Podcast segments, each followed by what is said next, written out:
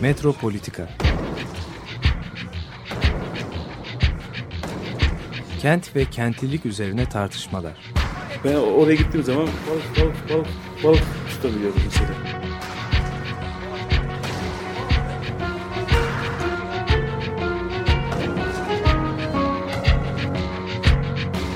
Hazırlayıp sunanlar Aysin Türkmen, Korhan Gümüş ve Murat Güvenç. Takusuyor ki. kolay kolay boşaltamadılar. Yani elektrikçiler terk etmedi Perşembe Pazarı.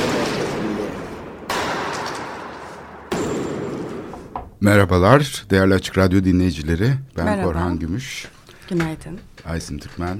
Ee, birlikte yapıyoruz programı. Ee, konuğumuz e, sevgili Mehmet Kentel. Merhabalar, Merhaba, hoş geldin. hoş bulduk. Osmanlı tarihçisi, kent tarihçisi aynı zamanda. Hem de bu e, şeyde İstanbul Araştırmaları Enstitüsü'ndeki serginin küratörü. Ama geçen hafta da e, bir konferans izlemiş olduk. Hollanda Enstitüsü Hı zannedersem. hı, evet, hazırlamışlar. Hollanda Araştırma Enstitüsü. Araştırma Enstitüsü bu konferansı. Onun da teması e, Kozmopolit Beyoğlu Hı hı. idi. Şimdi bu iki konuya da bu programda değineceğiz. Değil mi Aysin? Evet bu iki konudan isterseniz en taze olandan başlayalım. Yani benim için en taze olan. Çünkü ben dün akşam kapısının önünden geçtim. Ee, tam da Aysim'le telefonla konuşurken yolumu oraya doğru çevirdim ve birdenbire bir sergi turunun içine katılmış oldum. Ee, Hafızayı Beşer. Şimdi bu sergi e, Doğrudan Doğru Enstitü'nün kendi el yazmaları e, şeyinden, arşivinden e, yararlanıyor. Ama aynı zamanda tabii bazı ekler de var. Bazı kurumlardan alınan e, şeyler de var. Objeler, e, dokümanlar. E, buradan başlarsak Tabii. benim tabii e, ilgimi çeken yani bu e, serginin aslında bir taraftan da hani Osmanlı tarih yazımında son 30 yılda 20 yılda ne değişti? Yani modern tarih yazımıyla bugünkü tarih yazımı arasındaki farklılıklar neleri getiriyor? Aslında belki bunun geçmişini daha e, ilerletmek de mümkün. Yani tabii ki hani anal ekolü işte bilmem ne yani bu tarih yazımının e, şeyden e, kurtarılması yani bu resmi tepeden tek merkezci bir tarih yazımı olayından çıkıp gündelik hayata da e, girmesi ve bunu da keşfedilecek çok sınırsız e, şeyin ortaya çıkması falan gibi. E, ilk önce buradan başlayalım istersen. Tabii. Yani bize biraz bunu anlatır mısın? Tabii çok memnuniyetle. Çok teşekkür ederim öncelikle davetiniz için. Ee, Hafıza-i Beşer Osmanlı Yazmalarından Hikayeler sergisi e, İstanbul Araştırmaları Enstitüsü'nde dediğiniz gibi açıldı Ekim ortasında. Ee, ve de Suna ve İnan Kıraç Vakfı'nın el yazması koleksiyonuna dayanıyor. Bizim bu sergiyi yaparken ya da yapmaya karar verdiğimizde e, birinci önceliğimiz bir süredir işte yani 10 seneden fazla zamandır araştırmacıların e, çalışmalarına açık olan bu yazmaları daha fazla insanla buluşturmak, daha fazla işte daha geniş kitlelerle buluşturmak, onlara tanıtmak ve tabii ki daha fazla araştırmacıyla da buluşturmaktı. Birinci önceliğimiz buydu. E, ama yani benim kendi işte e, Osmanlı tarihine bakma biçimim arkadaşlarımın e, zaten içinde yetişmekte olduğu, yetişmekte olduğumuz ya da yetiştiğimiz e, yeni ekoller, yeni yaklaşımlar, beraber çalışmak istediğimiz kişilerin yaklaşımları danışman olarak e, bizi aynı zamanda da bu yazmalar üzerinden Osmanlı tarihçiliğinde işte dediğiniz gibi son ne bileyim 30 senede belki 40 senede neler değişti, neler e, nasıl yeni yaklaşımlar gelişti. E, biz artık Osmanlı tarihinin nasıl farklı şekillerde anlıyoruz, farklı şekillerde anlamaya çalışıyoruz. E, biraz onları da bu yazmalar vesilesiyle göstermek istedik. Biraz yani yazmaları tek tek yan yana koyup işte bakın ne kadar güzel bir Baki Divanı, bakın ne kadar süslü bir şarkı mecmuası demenin ötesine geçip... E, işte Baki Divanı'nın üretildiği ve okunduğu e, toplumsal koşullar nelerdir? E, bu yazmalara Baki'nin işte büyük e, şiir dehası dışında neler yön verir, neler bu yazmaları şekillendirir? Biraz bunları e, açığa çıkartmak istedik. E, çok yani e, şanslı olarak işte çok çok iyi danışmanlarla çalıştık sergide. E, işte bizim zaten enstitünün bilim kurulu başkanı Bahat Hanman, e, University of Washington'dan Selim Kuru, e, McGill Üniversitesi'nden Aslan Gürbüzel, Harvard Üniversitesi'nden Akif Yerlioğlu e, ve de şeyden Oxford'dan e, Aslı Niyazioğlu farklı şekillerde sergiye katkı verdiler. E, sonuç olarak biz bu yazmalar üzerinden Osmanlı tarihinin işte tek meşru aktörünün devlet olmadığı, tek hikayesi anlatılmaya değer olanın işte e, Türkçe konuşan Müslüman orta sınıf erkekler olmadığı, e, Türkçe konuşmayanların, işte erkek olmayanların, e, Müslüman olmayanların ve hatta en belki işte bütün bunlar tarih yazılımındaki farklı kırılmalara işaret ediyor aslında. Bütün bunların getirdiği yeni aktörler, yeni e, tarih yazımı aktörleri e, farklı kırılmalara işaret ediyor. Son da dalga belki onu da sergide biraz olsun yer vermeye çalıştık. E, insan olmayan aktörler, çevre aktörleri, işte kağıdı bir araya getiren müthiş bir çevre e, bileşenleri, işte e, aynı şekilde mürekkebi bir araya getiren ve de en sonunda da kağıt işte bir kere ortaya çıktıktan yazma bir kere ortaya çıktıktan sonra onları yiyen işte kağıt kurdunun hikayesi de bu şeyin parçası bu hikayenin parçası onların izlerini de görüyoruz. Dolayısıyla sadece hafızayı beşer değil aynı zamanda hafızayı na beşer bir e, hikaye bu. Biraz bunları göstermeye çalıştık. Farklı da işte farklı danışmanlar üzerinden de dediğim gibi farklı tematik bölümlerimiz var sergide. Bunlar yine yeni yaklaşımları, e, Osmanlı tarihçiliğine getirilen yeni bakışları e, biraz simgeliyorlar. E, işte öncelikle bir Osmanlı yazma kültürünün genel hatlarıyla anlattıktan sonra çok dililikten bahsediyoruz. İşte Arapça, Farsça, Osmanlı Türkçesi arası ilişkiler, hiyerarşiler, müzakereler. Daha sonra sıradan hayat tan bahsedip onu kırmanın yolları nelerdi? İşte insanlar bu yollara nasıl yaklaştılar? İşte şarkı ve şiirden şeye e, kahve ve tütüne kadar farklı şekillerde. E, daha sonra Osmanlı'da şifa kültürü ne dair bir alt bölümümüz var. İşte tıp yazmalarını ve o yazmalardan çıkan farklı hikayeleri anlattığımız. Daha sonra aşk ve cinsellik, Osmanlı yazınında aşk ve cinsellik, edebiyatta meşru bulunan ve bu meşru formların dışına çıkan nasıl aşk tipleri, tutku tipleri vardı. Bunlar nasıl birbirleriyle müzakere halindelerdi. Ee, ve de işte genel yapının dışına nasıl çıkıyordu farklı yazarlar. Ee, daha sonra Sırola'nın peşinde adını verdiğimiz içinde işte Osmanlı herhangi bir sıradan bir Osmanlı'nın e, bilmesinin çok kolay olmadığı farklı bilgi tiplerini toparladığımız bir e, bölümümüz var. İşte tasavvuftan astronomiye, işte falcılıktan e, işte acayip mahlukat e, türüne kadar. Ee, en son olarak da işte İstanbul Araştırmaları Enstitüsü olarak bunu yapmak gerekirdi zaten. Bir İstanbul bölümüyle sergiyi bitiriyoruz. Ee, ve işte orada da e, İstanbul'un işte edebiyatın Osmanlı yazının böyle başat aktörü haline gelmesi ve sahnesi haline gelmesinin nasıl öyle otomatik bir şey olmadığını bunun için e, yazarların, şairlerin e, bir şey içinde olduğu e, buna yatırım yapmış olduklarını gösterdikten sonra farklı iki alt bölümümüzle İstanbul bölümünde e, kapatıyoruz. Genel olarak sergi e, böyle bir çerçeveye sahip. Evet şimdi burada tabii çok e, ilginç olan aslında koleksiyonların da bu zihinsel inşanın bir parçasını oluşturması. Yani arşivleme ve koleksiyon e, merakı da aslında e, bu e, şeyin tarih yazımının kendi şeyi içinde yer alıyor. Sorunsalı içinde. Ona Kesinlikle, göre ha. düzenliyor kendisini ve belki de diğer dilleri görmüyor mesela. Hı hı hı. Ya da başka şeyleri görmüyor. Mesela sayfa kenar notlarının aslında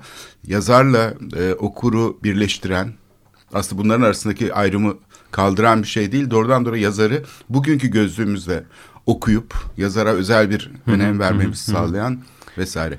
Böyle şeyler olabiliyor. Ee, evet yani kesinlikle çok haklısınız. İşte bu yazma kültürü e, tarihçiliği ya da işte yazma çalışmaları e, çok uzun zaman boyunca işte yazmanın en saf halini, en temiz halini, en işte birincil halinin peşine düşen bir e, yaklaşıma sahip olmuş. Bunun da tabii ki birçok faydası var. Bu sayede işte yazmalar arası ilişkiler, işte yazarların kendi seslerini açığa çıkartmak falan gibi birçok e, başarısı olmuş. Ama bir yandan da o yazmaları var eden birçok aktör görünmez kılınmış. İşte okurların notları mesela o dünyanın parçası olan ya da e, müstensihlerin yani kitapları çoğaltanların, istinsa edenlerin e, kitapları nasıl değiştirdikleri, nasıl kendi yorumlarını kattıkları ve aslında gerçekten işte bu kolektif okuma kültürünün tam olarak da bu aktörlerin de yaptıklarıyla oluştuğunu e, biraz olsun e, görmezden gelmiş diyelim o işte daha klasik yaklaşımlar. Ama artık böyle değil tabii artık e, başka türlü çalışılıyor yazmalar. İşte e, bu sergide birazcık onları e, gösteriyor. Koleksiyon dediniz o da çok doğru. Bizim e, Şevket Rodo e, koleksiyona dayanıyor. Bizim koleksiyonumuz büyük ölçüde. E, işte 20. yüzyılın en önemli dergicilerinden işte Cumhuriyet'in önemli entelektüellerinden biri Şevket Rodo ve gerçekten de e, çok önemli bir koleksiyoner, çok önemli bir yazma uzmanı.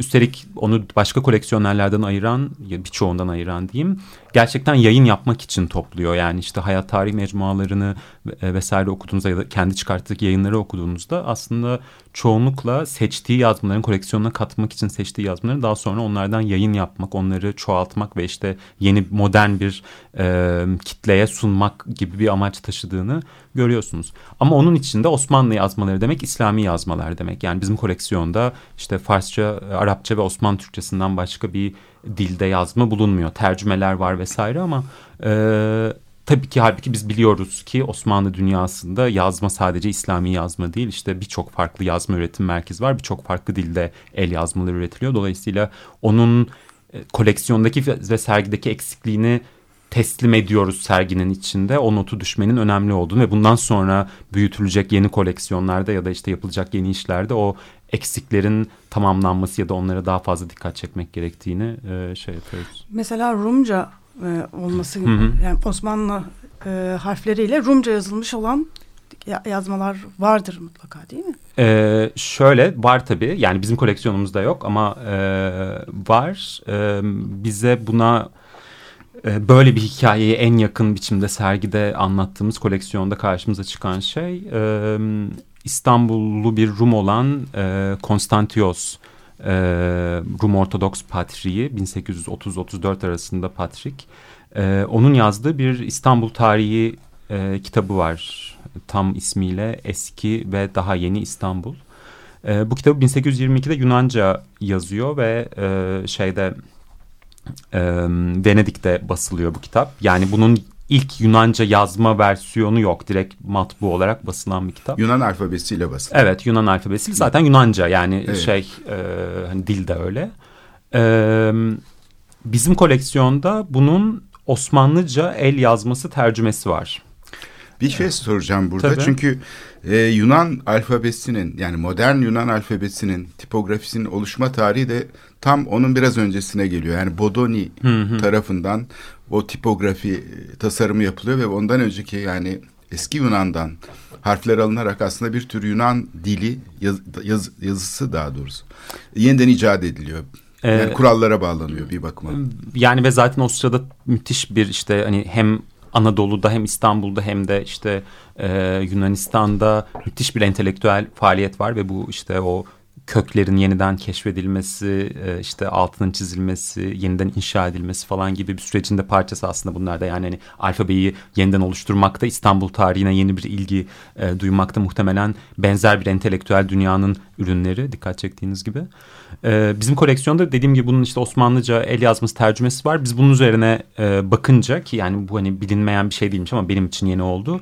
Evet kitabın 1820'lerden 1860'lara kadar oldukça kısa bir süre içinde e, Yunanca, Fransızca, İngilizce tercümeleri Osmanlı Türkçesine tercüme, Osmanlıca hem yazma hem de matbu versiyonu ikisi de bizim koleksiyonun içinden çıktı zaten e, ve Karamanlıca e, tercümelerinin olduğunu gördük. E, Karamanlıca dışındakileri bizim sergide izleyicilerimiz görebilirler. Karamanlıca'yı maalesef getiremedik. E, ama yani bu da işte dediğiniz o e, hani diller arası geçişlilik ve bir yandan da işte İstanbul tarihine içeriden bir bakışın nasıl farklı farklı e, kitlelerin ilgisini çektiği farklı formlarda okuyucularıyla buluştuğunu göstermek açısından e, iyi bir örnek diye düşünüyorum. Basılı bir olan bir şeyi tekrar aslında öyle bir geçiş e, dönemi ki el yazması olarak da Aynen öyle. çoğaltabiliyoruz. Çünkü Evet. hepimiz bunu yapıyoruz. İşte kitap okurken notlar alıyoruz elimizle. E, aslında bu kitap basılmış olmasına rağmen el yazması olarak da çoğaltılmış. Evet yani ciltlenmiş hani öyle bir şey de değil. Ee, hani ev- evde tuttuğu gibi. notlar değil yani gerçekten işte ciltlemiş hani altına da şey diye not düşmüş bu Osmanlıca yazmanın müstensiği Ee, şeyin kitabı Türkçe'ye çeviren e, Yorgo Efendi'nin ki Yorgo Efendi işte, hariciye e, tercüme bürosunda çalışıyor. Ee, Yorgo Efendi'nin kendi nüshasından kopyalanmıştır diye de altına not düşmüş. Bu ya- bunu yani hani e, 1700'lerde görseniz şaşırmayacağınız türden bir not. 1860'da gördüğünüz zaman da e, demek ki o kültür hala matbaaya rağmen matbaada birkaç kere çoğaltılmış birkaç kere tercüme edilmiş bir kitap olmasına rağmen o kültürün izlerinin devam ettiğini gösteriyor. Hemen akla şey geliyor tabii. yani şimdi bu şeyde Venedik'te mesela çok dilli tiyatro. Levon Zekia'nın kitabında söz ettiği yani bir oyunda işte diyelim ki 5-6 dil hatta bazen 10 dili geçiyor falan sergilenebiliyor. Her oyuncu yani bir her aktör kendi dilinde konuşabiliyor. Sahneye giren diyelim ki Ermeni Ermenice konuşuyor işte diyelim e, Farsça konuşuyor. İşte her şey ve bu izleyicilerin de bunu anladığını anlıyoruz. Yani sadece oyuncular değil, izleyiciler de bunu i- izlerken bu tiyatroyu demek ki bu dillerin hepsini biliyorlar diye. Bu tabii bir çeviri şeyi ve okulu şeyi aslında geleneği. Ee, bu kitabın sanki böyle çok dilli olması, İstanbul üzerine bir kitabın alıcısının yani hedef kitlesinin de bir kısmının aslında işte hariciyeci ya da işte şey yani yönetici elit yani şehri tanımak yani modernleşmenin temel şeylerinden biri aslında şehrin temsilleri, şehrin zihin, zihinde zihinsel inşası demiştiniz ona galiba. Yani şehri bu şekilde aslında tanıma merakı, öğrenme merakı ve ona göre hatta bir takım şeyleri inşa etme, ilişkileri vesaire. Bir kısmı böyle kullanmış olabilir mi bu kitapların dersiniz?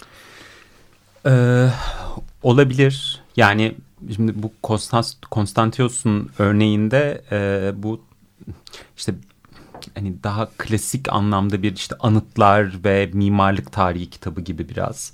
Ee, gerçi arada bunun dışına çıkıp işte şehrin karmaşasından modern İstanbul'un nasıl bir canavar haline geldiğinden falan da bahsediyor ki yazdığı yılların 1820'ler olduğunu düşünürsek e, vay bizim halimize diyebiliriz. Ee, Canavar görmemiş. Aynen değişim canavarı diyor tam doğru tabirle. Ee, ama yani onun biraz daha gerçekten şehrin tarihini ve işte mabetlerini vesaire böyle kayıt altına alan bir tarafı var ve bu tabii ki yöneticilerin ilgisini muhakkak çekmiştir. Ee, yani işte e, tercüme kaleminden birisinin e, şey yapması, bunu çevirmesi bir şeylerin göstergesi olabilir. E, ama onun dışında da mesela işte şehri bilmek, modernleşmenin bir işte en önemli araçlarından biri dediniz. Onun mesela bizim sergideki en önemli örneği Bostancıbaşı e, defteri. Ee, işte 1800'lerin 1700'lerin sonundan 1800'lerin işte 1820'lere kadar falan üretilen e, defterler bütün Boğaz ve e, Haliç kıyılarını işte şehrin kıyı e, şeridini e, kayıt altına alıyor ve yani bunun tam olarak hem dünyada isyanlar çağının e, göbeğinde hem Osmanlı'da zaten işte büyük bir dalgalanmanın, büyük bir dönüşümün hem şehirdeki dönüşümün hem de ama siyasi çalkalanmanın ve bunun şehirdeki yansımalarının e, çok ciddi olduğu bir dönemde olduğunu görürsek işte Şevket Radon'un çok güzel biçimde anlattığı gibi e, işte padişah şeye kayıkla gezerdi yanına da bostancı başını alırdı. O şu bina kimin şu arsa kimin diye sorardı. O da işte şey yapmamak için e, işte bilmiyor duruma düşmemek için de, deftere yazardı bütün yerleri gibi böyle çok tatlı biçimde anlatıyor Şevket Rıda muhtemelen bundan çok daha ciddi bir bilme ve kayıt altına alma ihtiyacının e, ve dolayısıyla da hakikaten işte modern kentin modern devlet e, oluşumunun böyle nüvelerini gördüğümüz bir e, ihtiyacın sonucu olduğunu düşünebiliriz. E, kitap çok kıymetli bir şey. Aslında. Yani bugün de kıymetli tabii ama o dönem nesne olarak kitap e, çok şey. Bostancıbaşı defteri de aslında öyle sıradan bir e, kayıt nesnesi değil gibi sanki. Benim oradaki gördüğüm Hı hı. örnek bayağı böyle itinalı hazırlanmış şey bir belge bir tablo. Hani bugün bir grafik tasarım şeyi falan olarak görülebilir.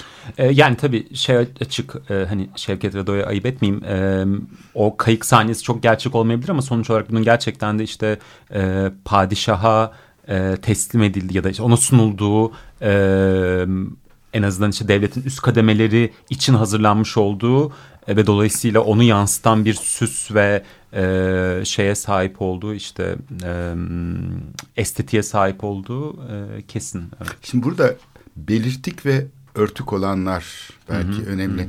Bostancıbaşı defterleri aslında tek başına sandalda ya da işte padişah kayığında Bostancıbaşı'nın e, eliyle yazdığı bir şey değil aslında bir kurumsal şeye benziyor. Yani büyük bir şeye benziyor. Fakat hani diğer taraftan da modernleşmenin bu ölçeklendirmeyle gerçekleştirdiği, perspektifle gerçekleştirdiği temsillerden biraz farklı. Tabii muhakkak. Sadece yazınsal yani birçok şey örtük kalıyor veya bir takım referanslarla o imgeler e, zihinlerde canlanıyor ama biz onları belki okuduğumuz zaman çok fazla anlamayabiliriz. E, dolayısıyla o dönemin işte e, tipleri yani yapı tipleri diyelim ya da işte canlanan canlandırdığı yerleşim şeyleri ve o kişilerin ona ilişkin statüleri vesaire. Aslında bu bir şey e, içeriyor mutlaka değil mi? Bir takım böyle döneme özgü bir algılama şeyi de içeriyor. Oysa ki bizim bugünkü temsil biçimlerimiz çok daha belirtik. Yani eksplisit her şeyi ölçüsüyle, işte metresiyle, işte planıyla, kesidiyle, görünüşüyle yani bir tür aslında her yere her şekilde uygulanabilecek gibi. Arkasında bir örtük bagaj içermiyor gibi geliyor. Ki içeriyordur tabii de ama yani genellikle e, kayıt sistemleri daha şey soyut. Evet yani bir hani modern ihtiyaç, bilme ihtiyacının orada olduğundan bahsedebiliriz ama tabii e, henüz birçok teknoloji, birçok gösterme teknolojisi, temsil teknolojisi orada değil. Dolayısıyla işte e, oldukça e, gündelik bir dilde yazılmış ve e, işte isminden etnik, dini aidiyetini tahmin edebileceğiniz işte e, şeyinden işte eşinin e, ölümü olduğu, sağ mı olduğu işte oradaki ifadeden anlaşılabilecek ama böyle hani çok daha şey ne bileyim gündelik bilgilerin verildiği e, ve de tabii işte Atüfetli e, valide hanımefendimiz falan gibi de işte e, sıfatlarla süslenen e, başka tür bir temsil biçiminin izlerini görüyoruz orada. Tabii ki işte bir kadastro defteri değil örneğin yani ama ama ihtiyaç belki orada zaten şekillenmeye başlıyor fakat buna cevap verecek teknoloji henüz orada değil. Ama bir şey de var anladığım kadarıyla. Yani Bostancıbaşı'nın kendisi farklı görevler üzerine almaya başlıyor. Yani bunu defterlerden nasıl e, çıkardı ama bir yerde okuduğumu e, hatırlıyorum. Yani çünkü ciddi bir şekilde hani kimler ne zaman geliyor, hangileri ne, e, ne zaman gidiyor, yani geldiler mi, gittiler mi, oradalar mı diye böyle bir kontrol mekanizması da oluşturuyor bu. Yani sadece hani aslında kayıt altına almıyor, kontrol de var orada kayıt altına alırken beraber. Dolayısıyla aslında bayağı modern, başka türlü bir yapıya geçiyor Bostancıbaşı. Ee, yani aslında Bostancıbaşı biraz son demlerini oynuyor bu sırada. Belki son bir e, şey yapıyor diyebiliriz. Bu hani defter projesiyle e, o kurumun e, son büyük işte e, emeklilik projesi falan gibi düşünülebilir. Çünkü zaten 1830'lardan sonra artık e, Bostancıbaşı şehrin e, nizamından, güvenliğinden vesaire sorumlu olma potansiyelini yitiriyor ve zaten o işte o kurum e, yerine işte modern e, polis teşkilatlarına bırakıyor zaman içinde. E, Early, e, e, erken polis teşkilatı tarzı bir şey. Evet, Sadece yani- polis demeyelim, zabıta da Evet zabıta zabıta Evet. aynen. Ee, ama tabii ki defterleri yan yana koyduğunuz zaman işte bunu e, bunun için artık elimizde hem yeterli dijital teknolojiler var hem de bu konuda bir ilgi var. İşte e, Murat Güvençler e, Kadir Has Üniversitesi'nde İstanbul Çalışmaları İstanbul Araştırmaları Merkezi'nde e, bu konuda çalışıyorlar zaten. Hatta işte bizim sergiye de çeşitli haritalar sağladılar. E, farklı profiller çıkarttıkları işte etnisiteye göre, meslek gruplarına göre, arazi kullanım tiplerine göre.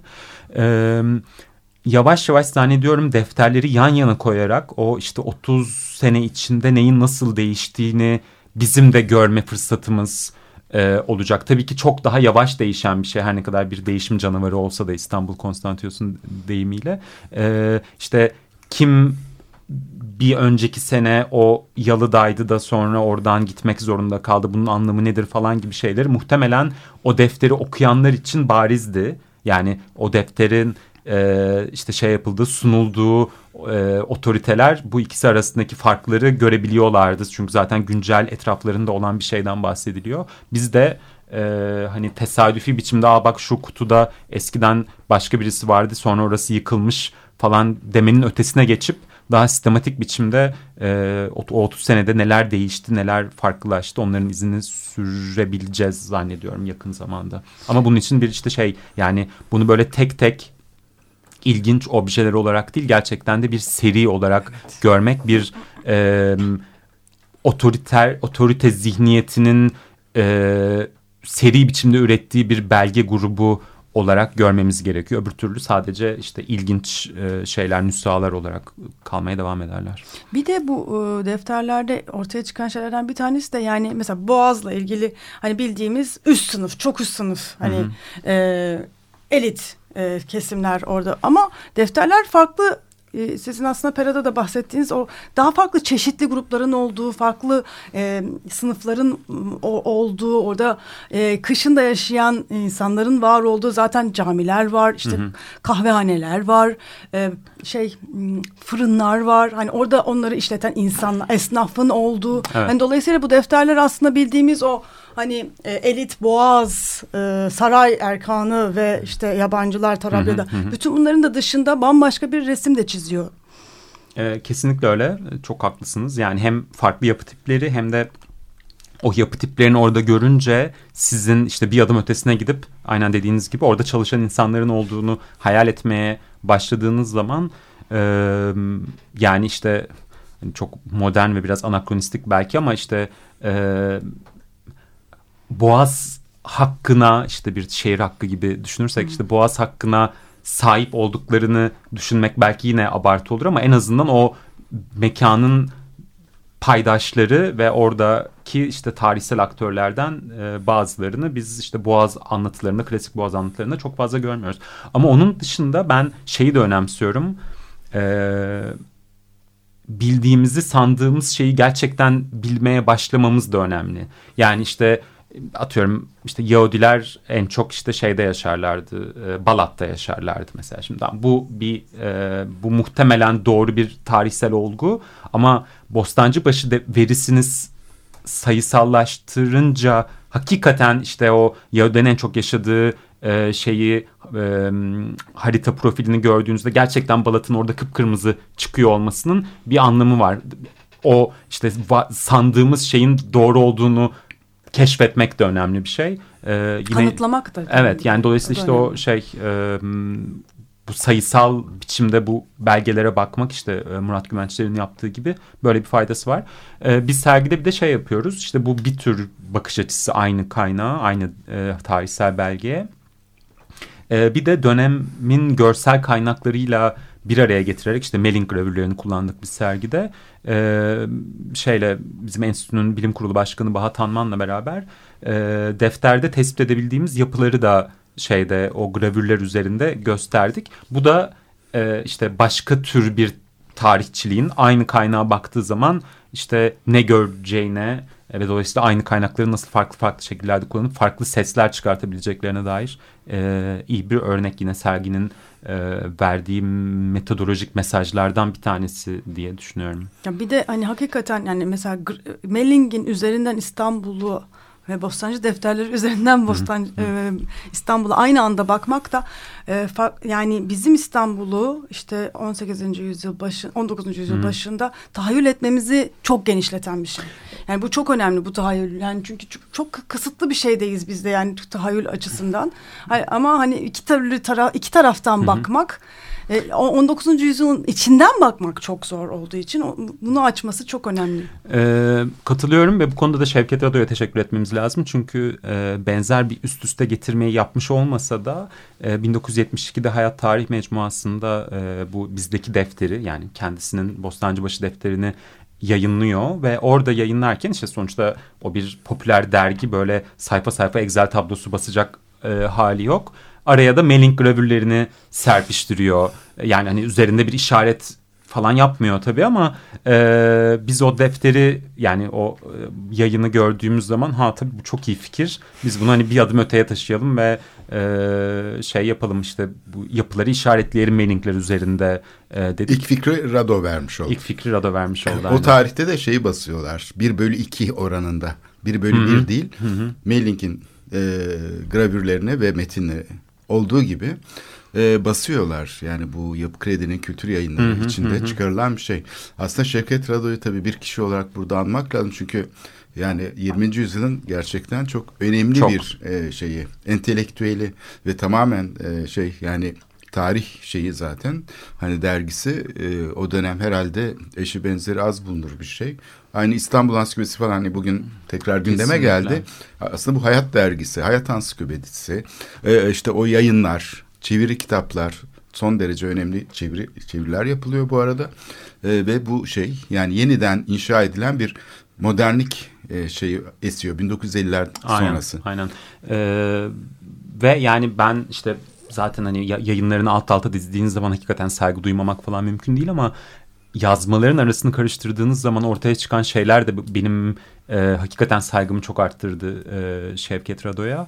E, yani işte bir işte Baki Divan'ın içinden e, bu konuda yapacağı yayında kullanmak üzere almış olduğu notlar işte Fuat Köprülü'den aldığı notlar onun üzerine yaptığı düzeltmeler falan çıkıyor ya da işte e, bizim koleksiyonun önemli parçalarından biri 28 Mehmet Çelebi sefaretnamesi onun içine e, kendisine yazılan bir mektubu koymuş E, o mektuba bir gravür eşlik ediyor. Bakın işte siz bunu yayınladınız. E, ben de bir Fransızca kitap içinde 28 Mehmet Çelebi'nin Paris'e girişini tasvir eden bir gravür buldum diye bir not düşürmüş onu içine koymuş falan. Yani e, müthiş de bir yazmalarla ilişkili hakikaten böyle onları e, şey yapabileceğiniz, linkleyebileceğiniz müthiş bir e, şey arşiv var. E, işte marjinler var şeyin yarattığı, Rado'nun yarattığı. Onlar da çok etkileyici benim için.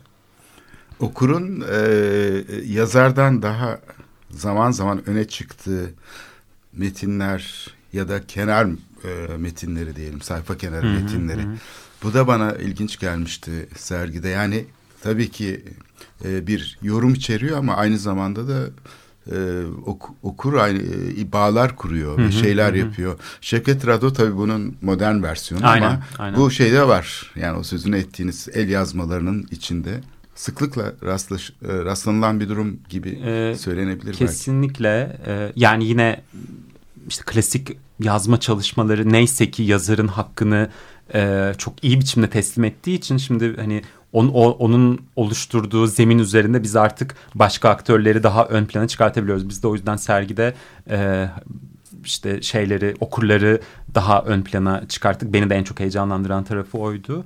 Ee, okurlar birçok farklı şekilde müdahale ediyorlar. Yani işte birçok farklı örneğini görüyoruz.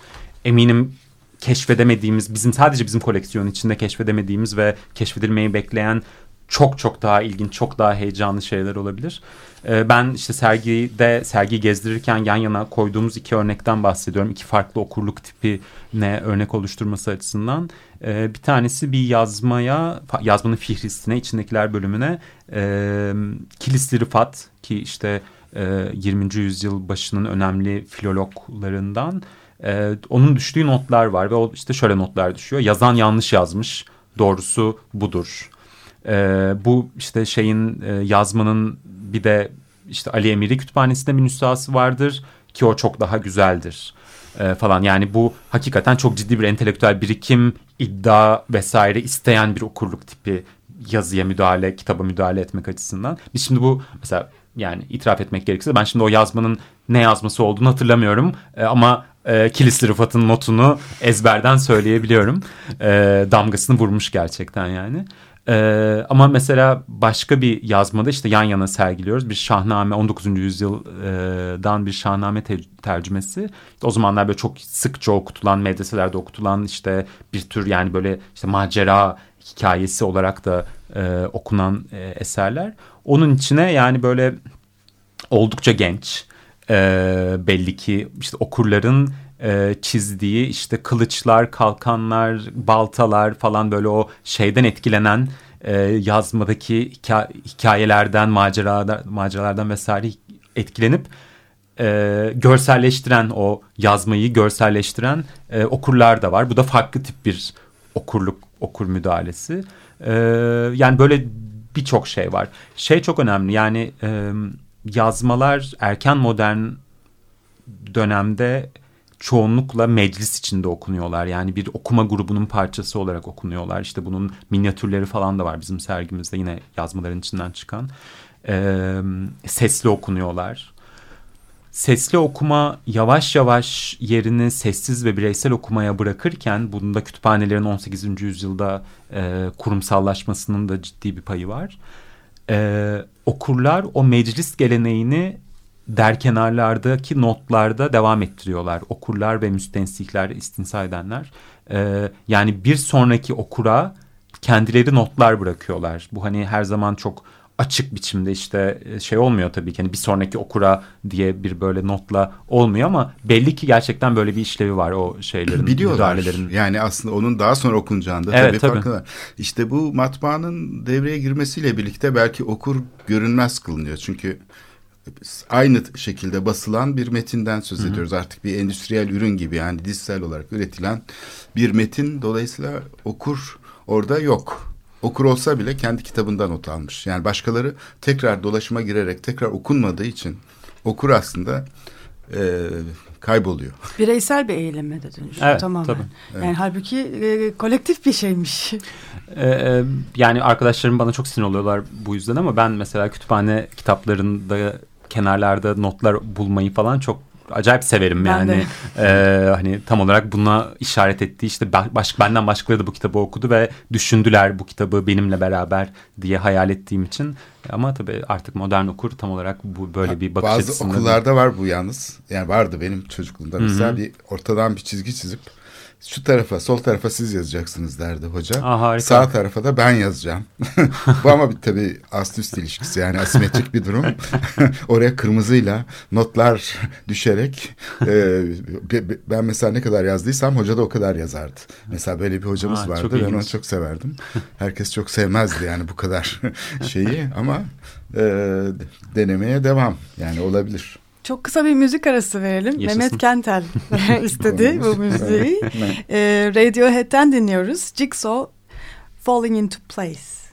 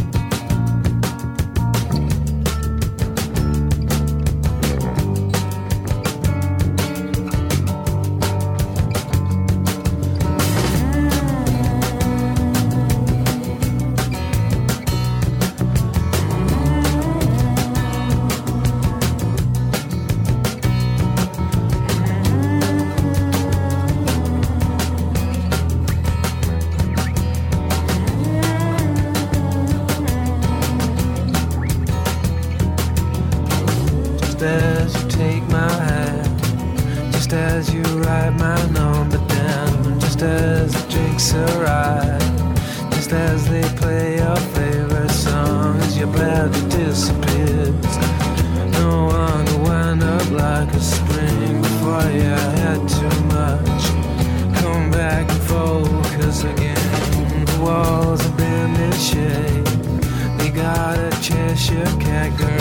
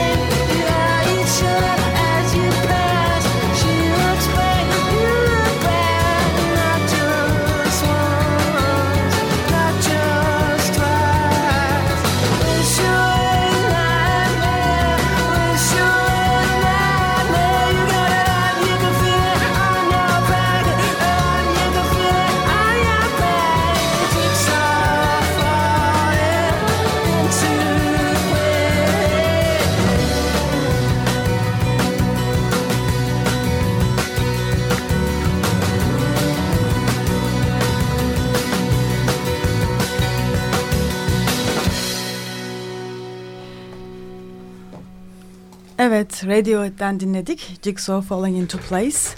Osmanlı tarihçisi Mehmet Kentel'le olan sohbetimiz, keyifli sohbetimiz devam ediyor.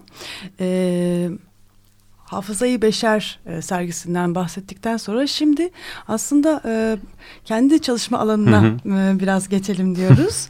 e, Pera üzerine e, çalışıyorsunuz Evet. e, ve kozmopolitlik üzerine çalışıyorsunuz. Pera'daki kozmopolitlik üzerine çalışıyorsunuz. Biraz hani e, burada neye bakıyorsunuz? E, sorularınız ne? Hı hı.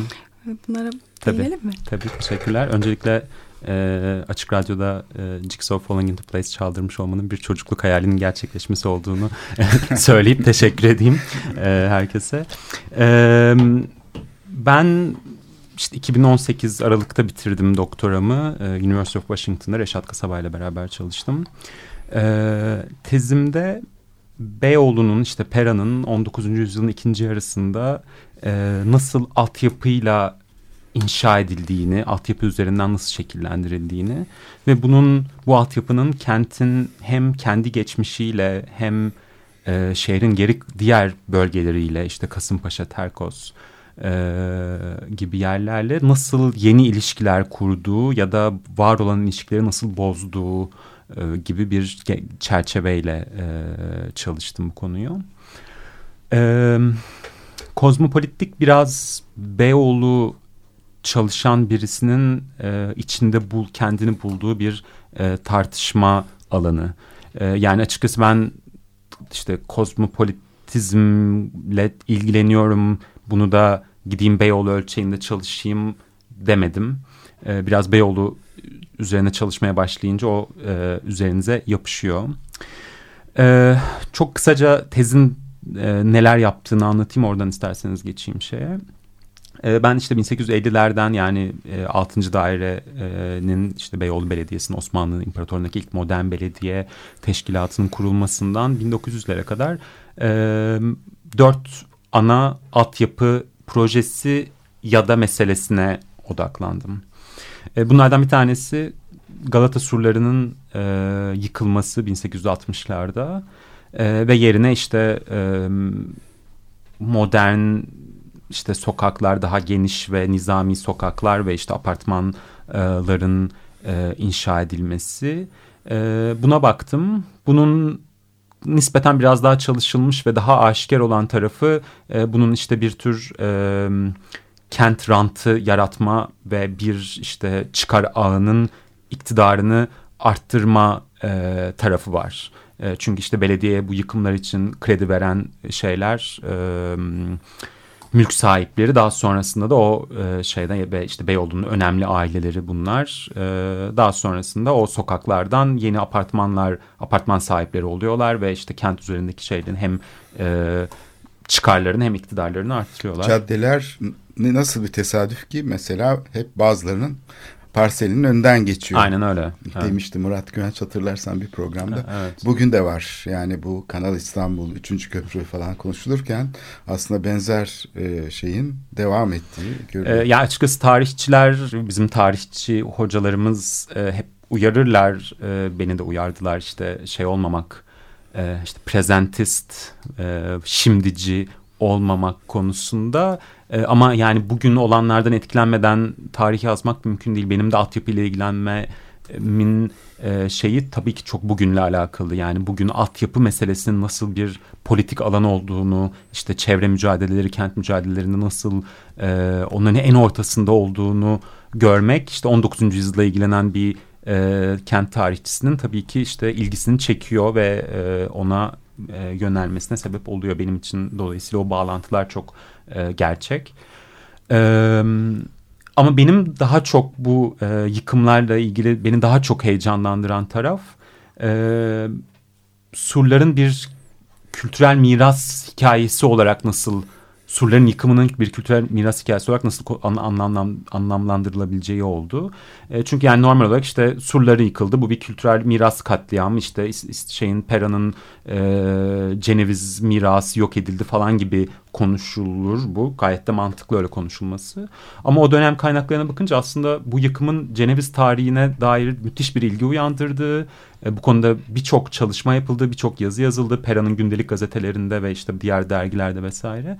Ve aslında e, 6. dairenin bu yıkımı ya doğrusu bu yıkımdan çıkan e, Ceneviz ilgisini kendisini şehrin Ceneviz mirasıyla özdeşleştirmek işte bir oryantal imparatorluk içinde e, şey olan Avrupalı bir böyle koloni gibi konumlandırmasının yolunu açtığını bu arada fakat işte yüzyıllar boyunca o surların Osmanlı tarihinin, şehrin Osmanlı tarihinin parçası olmasının izlerinin tamamen silindiğini e, biraz keşfettim ya da işte fark ettim e, diyeyim. Dolayısıyla o yani bir tarih yazım projesi olarak surların yıkımına baktım e, ilk şeyde. E, işte ilk, mes, ilk e, bölümümde. Evet. İkinci olarak da o zaten tezin çıkış noktasıydı. E, tünelin inşaatı ve tünelin e, toprağının, hafriyatının tepebaşı mezarlığının üzerine dökülmesi ve daha sonra onun üstüne bir e, şey inşa edilmesi. İşte per, Pera'nın kozmopolitizminin sembol mekanlarından olan Tepebaşı Bahçesi'nin inşa edilmesi. E, tam olarak onu işte şey olarak kullandım. E, yani altyapının yol açtığı bir dönüşüm ve e, o dönüşümde biz öncesinde olanı nasıl görüyoruz? O mezarlık, mezarlığı kullananlar mezarlık sadece bir işte ölüm mekanı olarak değil aynı zamanda bir sosyal mekan. O sosyal mekanı kullananlar pera tarih yazımının ne kadar parçası, e, bahçeyi kullananlar ne kadar parçası bu böyle bir karşılaştırma. Aşağıdaki semtin tabii sakinleri bu arada. Aynen öyle. Onlar biraz karanlıkta kalıyorlar büyük ihtimalle. Aynen öyle. Kasımpaşalılar için mezarlık Küçük Kabristan e, ki orası bir Müslüman mezarlığı. E, Pera'ya çıkmanın en kolay yolu mezarlık sınırları çok geçişken bir yer. Zaten mezarlığı kullanıyorlar bir fiil. Ee, ama mezarlığın yok edilmesi ki bunun tek sebebi bahçe değil. Zaten iki taraftan hem yukarıdan hem aşağıdan e, hızlıca bir işte kentleşmeyle e, yok oluyor. E, ama yani işte şeyi düşündüğünüz zaman mezarlık yerine demir şeyleri olan, çitleri olan ve para verilerek girilen ve bir işte kıyafet kodu vesaire olan bir e, bahçe tabii ki mezarlık kadar geçişken bir yer değil ve işte o Tepebaşı Pera ilişkisini ciddi biçimde e, özlem Pera Kasımpaşa ilişkisini ciddi biçimde değiştiren bir e, durum. Bu iki şeyi iki konuyu ben işte bir yıkımın iki yıkımın yani bir işte surların yıkımını bir e, mezarlığın yıkımını Pera için işte kurucu bir e, yaratıcı yıkım e, anları olarak anlattım. Yani işte e, David Harvey'nin e, Creative Destruction tabirini kullanarak. E, e, şeyde de ikinci kısımda da e, daha çevre meselelerine odaklandım tezde. İşte bir Terkos e, su yolu 1880'lerde yapılan. E, ikincisi de Pera'nın lağımlarının Kasımpaşa'ya e, akıtılması ya da daha doğrusu Pera'nın ve Kasım, Pera Kasımpaşa arasındaki lağım ilişkisi e, ne bakıp bunun üzerinden de biraz Pera'nın tarihini Pera'nın dışından yazmak ne kadar mümkün. İşte bu e, kozmopolit bahçeler, kozmopolit mekanlar Pera'nın elit sosyalliğinin besleyen, onu mümkün kılan altyapılar başka yerlere ne yaptı? İşte Terkos'un balığı, hayvanı, köylüsü, ormanı, e, Tepebaşı bahçesine su getirilmesinden nasıl etkilendi? Bu suyun giderek daha bol olmasıyla artan lağım e, tüketimi, e, özür dilerim lağım üretimi e, Pera'daki e, Kasımpaşa'ya nasıl etki etti? Bu arada basınçlı sudan yararlanan kesim var. Bir de yararlanamayan değil mi? Yani o terkos suyu bütün İstanbul'a birdenbire gelmiyor. Aynen öyle. Ya zaten birinci öncelik e, Haliç'in kuzey kıyıları dolayısıyla Pera e, ve e, Boğaz'daki işte işte saray ve e, başka işte şeyler Boğaz köyleri ama oralarda da eşit değil. Oralarda da işte Bostancıbaşı defterinde işaret ettiğiniz gibi oralarda da sadece seçkinler yaşamıyor. Ee, işte Pera'ya gelen su Kasımpaşa'ya çok daha az geliyor mesela. Ee, bu abonelikle çalışan ilk sistem Osmanlı'daki e, bireysel abonelikle çalışıyor. Onun dışında devletle şeyin arasında yaptığı anlaşma e, şirketin işte bir Fransız Osmanlı e, ortak şirketi bu. E, Terkos su yollarını idare eden ve inşa eden. E, onların arasındaki anlaşma aslında çeşitli çeşmelere bedava su getirilmesini de e, şey kılıyor, şart koşuyor. Ama o da mesela o çeşmeler işte İstik, Taksim İstiklal ya da işte Grand Rue, Taksim Tünel hattında çok daha fazla Kasımpaşa'ya göre. E, dolayısıyla zaten suyun dağılımında bir eşitsizlik var ama suyun kökeninde de ayrı bir eşitsizlik var. İşte orada zaten suyu kendi köyünün etrafında doğal su kaynağı olarak kullanan köylüler o sudan mahrum bırakılıyorlar. Çünkü suyun yönü değiştiriliyor ya da suyun yönü değiştirildiği için başka köylere su basıyor. Tarlalar, e, çayırlar vesaire. Hamidiye suyu aslında kamusal bir su projesi olarak yapılıyor. Basınçlı su olan evet. buhar makinesiyle yani Hı. kendi kendine akan bir su değil. O da 80 tane kaynağı yaklaşık hı hı. E, 20 maslakta toplayıp şehre aktarıyor. Daha çok işte Galatasaray Lisesi, işte şu kamu yapıları, saray. Yani hı hı. sarayın ihtiyacını karşılamak için, Yıldız Sarayı için yapılıyor aslında. Aynen öyle ve yani onun da mesela işte şeyini e, henüz bilmiyoruz. O e, suyun geldiği yerlerdeki e, sonuçta işte bir hayır projesi ama başka Osmanlı tebaası olan insanların suyundan alınarak e, yapılıyor. E, öyle bir tarafı var. Biraz sonuç olarak işte bu Pera'yı bu eşitsizlikler, eşitsiz coğrafyalar ve farklı materyal ilişkiler üzerinden anlatıp en nihayetinde de bizim kozmopolit dediğimiz kentin materyal tarihi nasıl yazılabilir? Biz neye kozmopolit diyoruz? Neyi fiziki olarak gördüğümüz zaman biz bunu kozmopolit olarak e, bir sıfat e, şey yapıyoruz, e, veriyoruz. E, biraz bunu anlamaya çalıştım. Şöyle denebilir mi acaba kozmopolit ya biz bu hani işte şehrin geleneksel mirası falan dediğimiz bir şey. Ama aslında basbaya modernlik kurumlarıyla inşa edilen e, bir yeni türev, yeni bir şey. Yani kozmopolitizm aslında öyle geleneksel bir şey değil basbaya bir modern proje yani kurumlarıyla maddi şeyleriyle inşa edilen e, yeni bir topografya oluşturuyor. Yeni bir e, hı hı. şekilde denebilir mi? Çünkü şeyin dışına çıkıyor. Yani bildiğimiz şeylerin dışına çıkan tüccar sınıfının oluşması vesaire işte bireysel abonelik mesela suyla ilişkiyi tamamen değiştiriyor. Bir kırılma noktasına belki de işaret ediyor bu kurumlar. Ama her yerde de sanki böyle bir alt yani kozmopolitanlığı inşa eden altyapılarla ilgili böyle bir yani kozmopolitanlığın aslında böyle bir dertle bağlantılı olduğunu söylemek zor değil herhalde. Yani bütün dünyada kozmopolitanlık bazı bedellerle hani böyle hani birilerine rağmen oluşturulan bir proje aslında. Yani o proje şeyi ben, benim de çok hoşuma gitti. Yani hani bitmiş ve böyle yani böyle ütopya halinde yaşanan bir şey değil. Ee, bir proje ama bu sadece hani Pera'ya özgü değil e, herhalde. Yok hayır kesinlikle değil. E, yani modern kent diyelim. Modern, modern kent kentin oluşumu Öyle böyle bir şey. şey. Yani. Ama işte Akdeniz coğrafyasında işte Beyrut'tan Pera'ya kadar kozmopolit diye e, çoğunlukla bir nostaljik biçimde e, tanımlanan bu kentlerin e, çok da nostaljisi kurulamayacak olan bir materyal gerçekliği olduğunun altını çizmek lazım. Belki öyle bir e, müdahale bu literatüre e, önemli diye düşünüyorum. Çok teşekkür ederiz. Ben çok teşekkür ederim. Gerçekten tekrarlarız umarım. çok isterim. Çok, Yusuf çok sağ olun. Franco'dan da bir hani yani hiç değinmemiş olmayalım. O sergiyi de e, programda bir iki defa işlemiştik ve çok güzel bir sergiydi. Orada da sizin e, katkınız çok büyüktü. E, belki bir programda da o sergiyi tekrar da konuşabiliriz. Evet, Çok, çok sergiyi de bu arada halen e, şey olur görmek isteyenler için Evet. İstanbul Araştırmaları Enstitüsü'nde yani tepe başında şu anda açık. Kaçına kadar açık onu da söyleyeyim. 25 Temmuz'a kadar açık. Bayağı Ee, uzun bir bayağı süre var. açık. Ee, herkesi bekliyoruz. Çok çok teşekkür ederim güzel Çok sözleriniz için. teşekkürler sağ olun. İyi haftalar.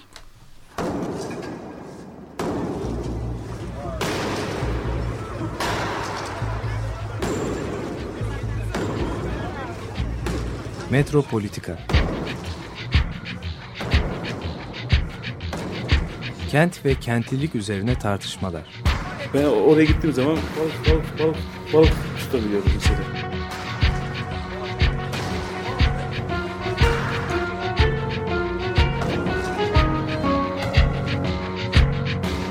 Hazırlayıp sunanlar Aysin Türkmen, Korhan Gümüş ve Murat Güvenç.